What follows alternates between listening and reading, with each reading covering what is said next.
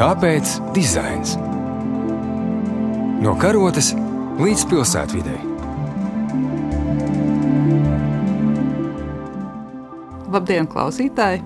Klasikas studijā ir Ilza Martinsone, Latvijas arhitektūras muzeja vadītāja, un mans viesis šodien ir arhitekts Kārls Jaunromāns.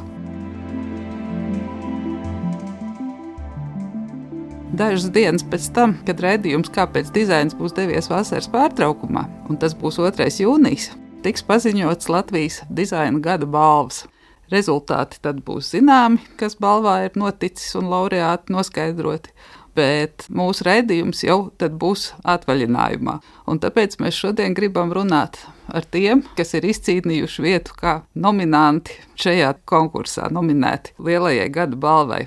Nominanti ir ļoti dažādi, kategorijas ir daudzas, tās ir materiāls un nemateriāls kategorijas, bet mēs sarunai izvēlējāmies vienu, un tā izvēle bieži vien notiek personiski iemeslu dēļ. Man liekas, mums katram. Un tāda bija arī mana pieredze. Dzīvojot sezonas laikā ārpilsētā, es pārvietojos ar piepilsētas autobusu, un Maskavas ielā bija ievērojusi interesantu košu laukumu, kas izcēlās uz tādas nošņurkušas un nevarētu teikt, ka gluži degradētas, bet nepārāk pievilcīgas vidas fona, kur tā vide varētu būt arī ārkārtīgi jauka, jo tas jau vēl ir pilsētas centrs, bet tāds neliels skvērs darbojās kā organizējošs faktors. Un šodien runāšu ar instalācijas pilsētas kabata autoru Kārlu Jaunromānu. Es saprotu, jūs šajā gadījumā pārstāvat studiju T13, un jūsu līdzautori ir Dārta Adamsone, bet varbūt pastāstiet vispirms par sevi, kāpēc jūs interesējaties par pilsētvidi, un es saprotu, ka jūs nākat ar Eiropas pieredzes studijām no Norvēģijas, no Oslo arhitektūras dizaina skolas. Ko jūs šobrīd darāt un kas ir jūsu interešu lokā? Jā, labdien! Kā jau jūs minējāt, es ieguvu maģistra izglītību arhitektūrā no Oslo Universitātes, un kādu laiku tur esmu stažējies, iegūstot pieredzi. Tad pienāca tāds laiks, kurā es vēlējos atgriezties, jo man tajā brīdī ļoti interesēja apgūt lietas, kā tās darīt ar rokām, vairāk strādāt tādos neformālākos projektos. Šobrīd es nodarbojos ar divām lietām. Viena no tām, kā arhitekts, projektēju gan mājas, gan arī dažādas laukumus un arī mēbeles. Un tā otra nodarbe man tāda, ka es tagad esmu sācis veidot radošo sacensību platformu Tandēms. Tā ir mana otrā nodarbošanās. Kas ir radošo sacensību platforma? Tā ir tāda platforma, kas kaut kādā veidā arī ir izaugusi no tās intereses par pilsētu vidi. Doma ir tāda, ka radošās sacensības, kurās tiek meklētas idejas un dažādi risinājumi, viņas nemaz nav tik biežas, kā to varētu vēlēties. Un mana pieredze tieši ar šo skvēru ir tāda, ka no idejas līdz realizācijai var nonākt arī piecu mēnešu laikā. Tas manī mudināja uz tādu domu, ka būtu forši attīstīt sacensību platformu tieši mazākiem objektiem, par kuriem bieži tāds netiek rīkots. Un tad par pašu šo pop-up skvēru pilsētas kabata. Kā tā ideja radās, vai konkrētā vieta bija skaidra uzreiz? Jo īstenībā pilsētā mums notiek diezgan daudz dažādu šādu veidu aktivitāšu, kas iedzīvina tādas nomaļas, pamestas, varbūt novārtā atstātas vietas, un arī tie mērogi ir ļoti dažādi, kā tas notiek. Kāpēc tieši šis te Maskavas ielas sākums, vai tur bija arī kaut kas personisks?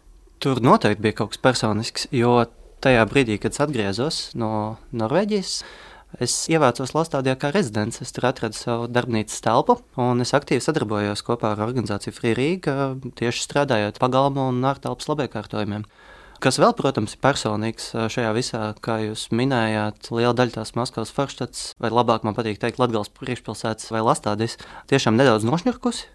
Un viens no tiem veidiem, kā var ļoti ātri radīt kādu sabiedrisku labumu vai nu, vispār uzlabot to vidi, ir tieši strādājot ar šīm ārtelpām. Paša skvēra ideja bija tāda, ka tātad viņš saucās pilsētas kabata pilsētas kabata, tāpēc, ka tas ir caurums pilsētā. Skvērs ir izveidots vietā, kurā agrāk atradās māja, un tad attiecīgi viņš ir veidots tieši tajā izmērā un formā, lai atgādinātu par to, ka šādas vietas pilsētā ir daudz. Kas tur īsti notika, kādas šīs aktivitātes bija? Ja es pareizi no jums saprotu, tad projekts jau formāli tiek uzskatīts par noslēgtu. Jā, tātad šis bija tāds kā prototyps tam, ko vispār var darīt šādiem pilsētas laukumiem. Tāpēc skvērs tika izveidots Rīgas domas atbalstu vasaras projektu ietvaros 2021. gadā. Skvēra ideja bija tāda, ka mēs vēlējāmies izveidot saliekamu skvēru, kuru varētu iekaut konteinerā, aizvest, uzstādīt, un nākamajā gadā šis pats skvērs varētu doties uz kādu citu šādu pašu Rīgas tukšumu. Jā, tad jāpiemina arī, kas tad īsti tur notika. Kā jau teicu, doma bija, ka tas skvērs ir viegli saliekams un transformējams. Un tie pasākumi, kas notika šajā laikā, starp kuriem bija šaha turnīrs, modes skate, arī grafitī cīņas un žurnāla tvērums diskusija, Katrā no šiem pasākumiem mēs šo laukumu transformējam. Attiecīgi, viss laukums sastāvēja no tādiem modulāriem elementiem, ko varēja salikt un pārķaut. Pasākuma rīkotāji tika aicināti uz studiju, kas atradās tieši blakus laukumam, un uh, tad mēs uz maketa salikām šo jauno konfigurāciju, kas nepieciešama. Piemēram, otrs skatēji tā bija mēlē diskusijai. Tur bija tāds tā apziņots laukums, lai būtu skaistāka scenogrāfija. Šāda turnīrā bija nepieciešama daudz galdu. Un, uh, laukums tika veidots tādu domu, ka viņu var izmantot uh, un pielāgot ļoti daudzos dažādos veidos, kas pat uh, projekta sākumā nemaz nebija definēti. Es skatījos bildēs, tur ir ļoti skaistas tādas dizaina mēbeles, pa brīžam redzams, ko jūs darījāt tajos starplaikos. Vai tās paliks skverā, vai tās netika izvazātas, tas rajons ir tāds aizdomīgs. Jā, tā bija daļa no šī eksperimenta. Mēs vēlējāmies redzēt, kā vietējie iedzīvotāji no visdažādākajām vecuma un sociālajām grupām, kā viņi reaģēs uz šādu notikumu pilsētā.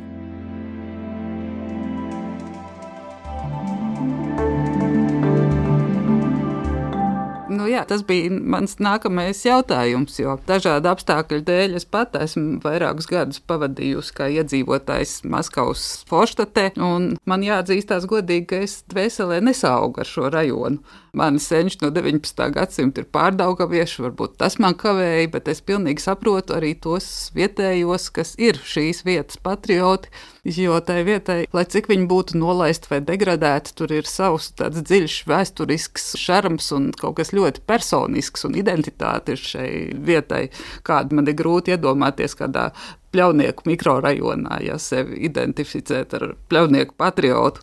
Bet nu, šī vieta atrodas tādā specifiskā vietā, kur jūs realizējāt savu projektu. Tas ir Maskavas ielas sākums, un tur ir ļoti tuvu dzelzceļa centrālais mezgls, autoosta, centrāla tirgus. Vismaz man no malas skatoties, liekas, ka tur ir tādi daudz caurstaigātāji, kas varbūt nemaz nav vietējie. Tur vispār tāda patstāvīga, aktīva vietējā populācija, kā tagad mēdz teikt, kopiena tāda tur ir. Domāju, ka tur ir vairākas kopienas, un uh, lielā mērā viss šis rajons arī veidojies kā ļoti multikulturāla un uh, multinacionāla vieta uh, vairāku simtu gadu laikā. Un es domāju, tā ir daļa no tā šārma. Man ļoti žēl, ka jūs nesaugāt šo vietu. Iespējams, mēs dzīvojām attālās vietās, iekšā rajonā. Man dzīve tur bija ļoti ekskluzīva. Manuprāt, tā ir fantastiska vieta. Es dzīvoju vecā koku mājā ar 200 uh, gadus vecu podziņu krāsni, skaistiem augstiem griestiem. Brokastīs es varēju iegādāties svaigus dārziņus no centrāla tirga, un uh, centrs atrodas desmit minūšu attālumā. Tādā ziņā es domāju, šī vieta absolūti nenovērtēta visiem tiem neskaitāmiem potenciāliem. Bet kā tad īsti bija ar tiem vietējiem? Viņi iesaistījās, viņi zagaķē blīšus naktīs vai nē? Nē, nu, tur ir daudz interesantu stāstu. Pirmkārt, visu vasaras laikā netika nozagts vai izdemolēts pilnībā nekas. Mums bija puķu podi, mums bija grīdas plāksnes, tādi dzelteni podesti, sēdmēbeles. Viss palika savās vietās, un jā, arī jāmin, ka nekas nebija piestiprināts, nekas nebija pieskrūvēts. Visi objekti bija tādi, ka tos var pacelt divi cilvēki. Tas bija tas uzstādījums, lai tas skvērs arī būtu transformējams. Ko var pieminēt no interesantākiem stāstiem? Nu, jā, protams, bija pasākumi, kas ir periodiski. Tad sanāk daudz cilvēku reizes divās nedēļās. Bet no skvērs tur stāvēja, tur bija soliņi. Cilvēki varēja atnākt, uzlādēt savu telefonu, vai arī pasēdēt saulē vai ēnā un pāriest. Vietējie iedzīvotāji to darīja samērā aktīvi. Man radās iespējas, ka viņi pieņēma šo vietu, un varbūt tāda neliela vilšanās no manas puses ir tas, ka viņi tieši to skvēru mainīja pārāk maz. Es varbūt cerēju, ka cilvēki nāks un sapratīs, ka gan tās mēbeles, gan tos krēslus var viegli pārvietot. Bet savā veidā tas dizains ar arkveidīgām zeltainām mēbelēm varbūt nedaudz viņus nobaidīja, jo viņi varbūt to skatījās kā uz tādu ļoti dizainātu objektu, ko nevar aiztikt. Jā, var jau būt, ka ne tikai tas, bet arī mūsu tā pierasti bailīgā ietramdītā attieksme pret šādām vietām, jo, kā es esmu redzējusi, teiksim, Tel Telavivā publiskajos parkos krēsls stāv brīvi izvietot, un vietējie ir pieraduši, ka tas ir normāli, ka viņi paņem savu krēslu un aiziet apsēžās tieši tur, kur viņš grib parkā, nevis tur, kur ir soliņš norādīts.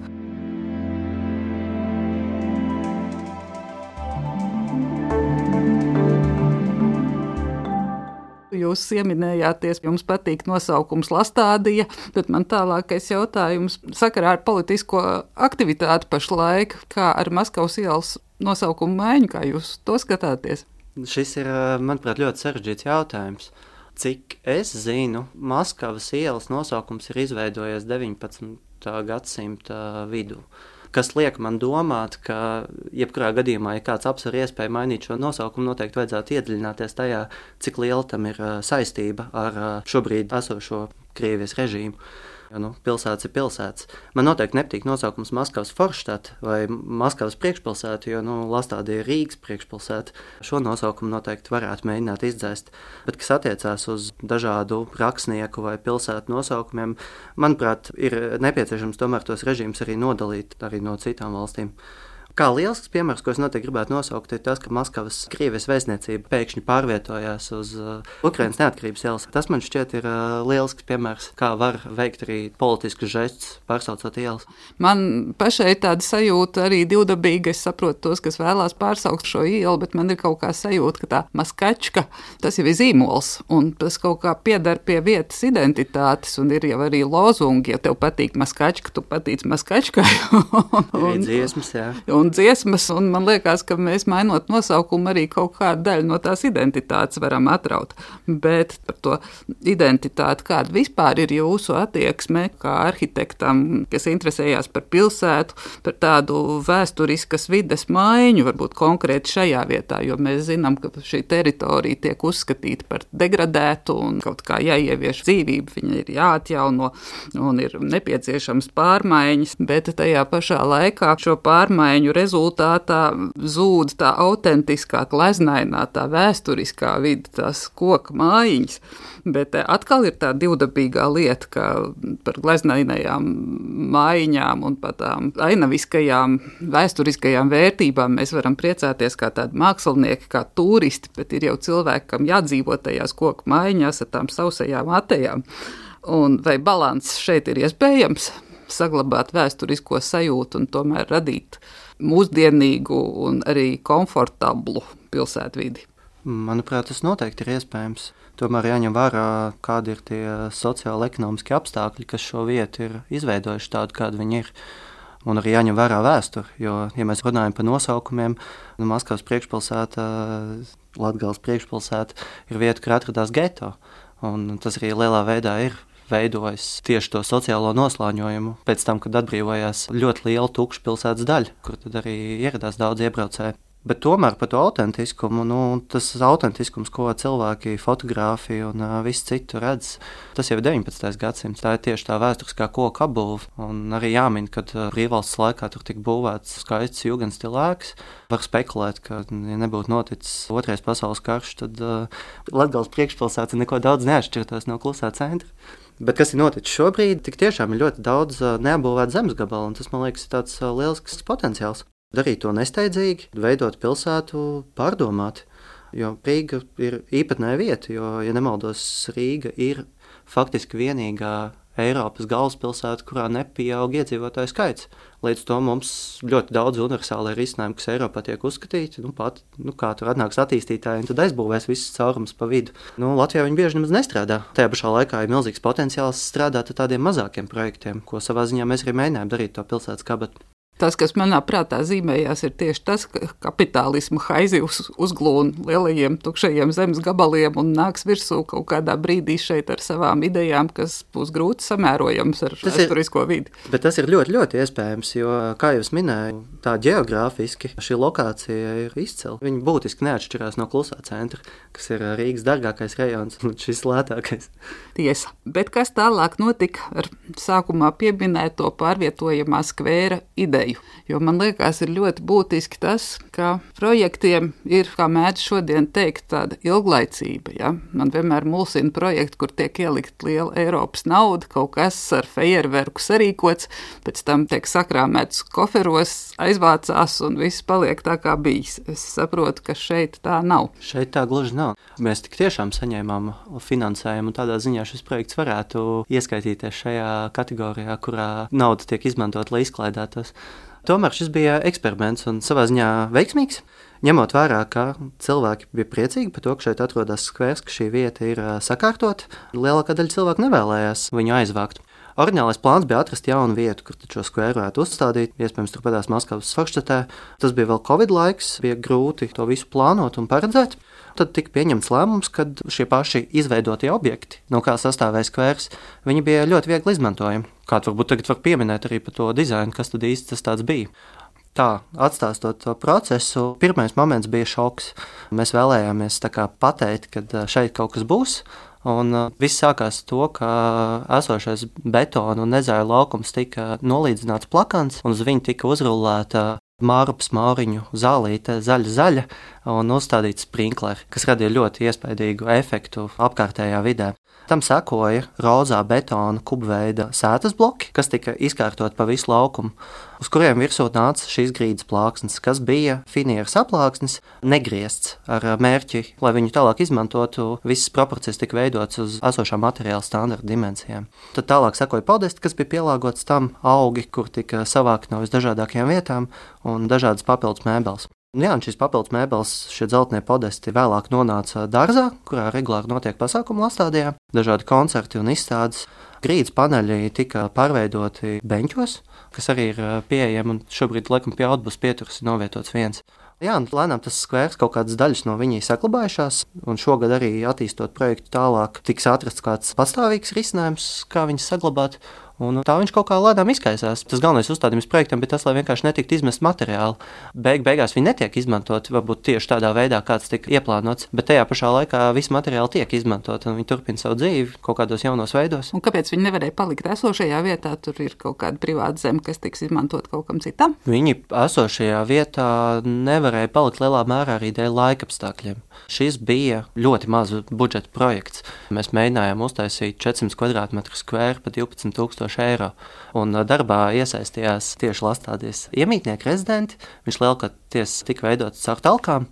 Nu, jā, tas mērķis bija, nu, tas ir koks. Viņam bija paredzēts viens izcils gads, un tad nākamie gadi viņš jau pieprasīja kaut kādu papildus apstrādi. Tas arī ticis darīts, izveidojot jaunus elementus. Mums te tā runājoties, man pēkšņi ienāca prātā, bet vai nav iespējams šādus skvērus saražot kā tipveidu skvērus? Atrisinot tās laikapstākļu problēmas, jo uz to atkal varētu taupīt. Protams, jā, kā jau minēju, šis projekts bija nedaudz eksperimentāls tādā ziņā.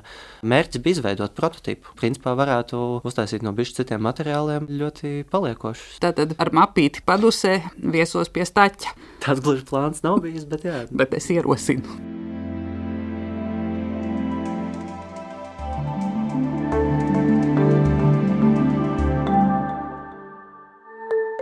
Tas, es saprotu, vairs nav jūsu projekts, bet vai Lastādī kaut kādā veidā turpina šīs jūsu iestrādes? Jā, varētu teikt, ka šis pilsētas kabatas eksperiments noslēdzās veiksmīgi. Daudz cilvēku viņu pamanīja. Daudz cilvēku sāk domāt par to, ka patiesībā šī ir laba vieta, kur uh, skvēram atrasties. Un pēc pirmās sezonas sakoja tāda tukša sezona, kas bija pagājušā vasara. Un šogad Lastādijas komanda jau ar citu radošo vadību bez manis ir nolēmuši šo skvēru novest uz kaut ko ilglaicīgāku. Mans projekts bija tas tests, un tagad tiek meklēts tāds ilglaicīgāks rezultāts arī ar apstādījumiem, mākslu un potenciāli arī vietu, kur cilvēkiem satikties, uzrīkot kādu pasākumu. Jā, tas notiek šajā vasarā. Var sekot līdzi Lastādijā viņu sociāliem tīkliem skatīties. Tur notiek daudz talks, dažādi veidi, kā var iesaistīties pilsētvidas veidošanā. Tas, ka projekts tika pamanīts, to es varu apliecināt no personīgās pieredzes. Man liekas, ka tas ir tāds košs, krāsains laukums, un pat tie cilvēki, kas iet garām, viņi tās sarosās un ieraugot to pat izslēgās, un viss tā vide sāk tā kā apkārt sakārtoties un mirdzēt gandrīz vai novēl jums jaunus panākumus Rīgas pilsētas apkārtņu uzlabošanā, un saku paldies par sarunu Studijā bija Ilze Martinsone un Kārlis Jaunromāns. Raidījums ir tapis ar valsts kultūra kapitāla fonda atbalstu.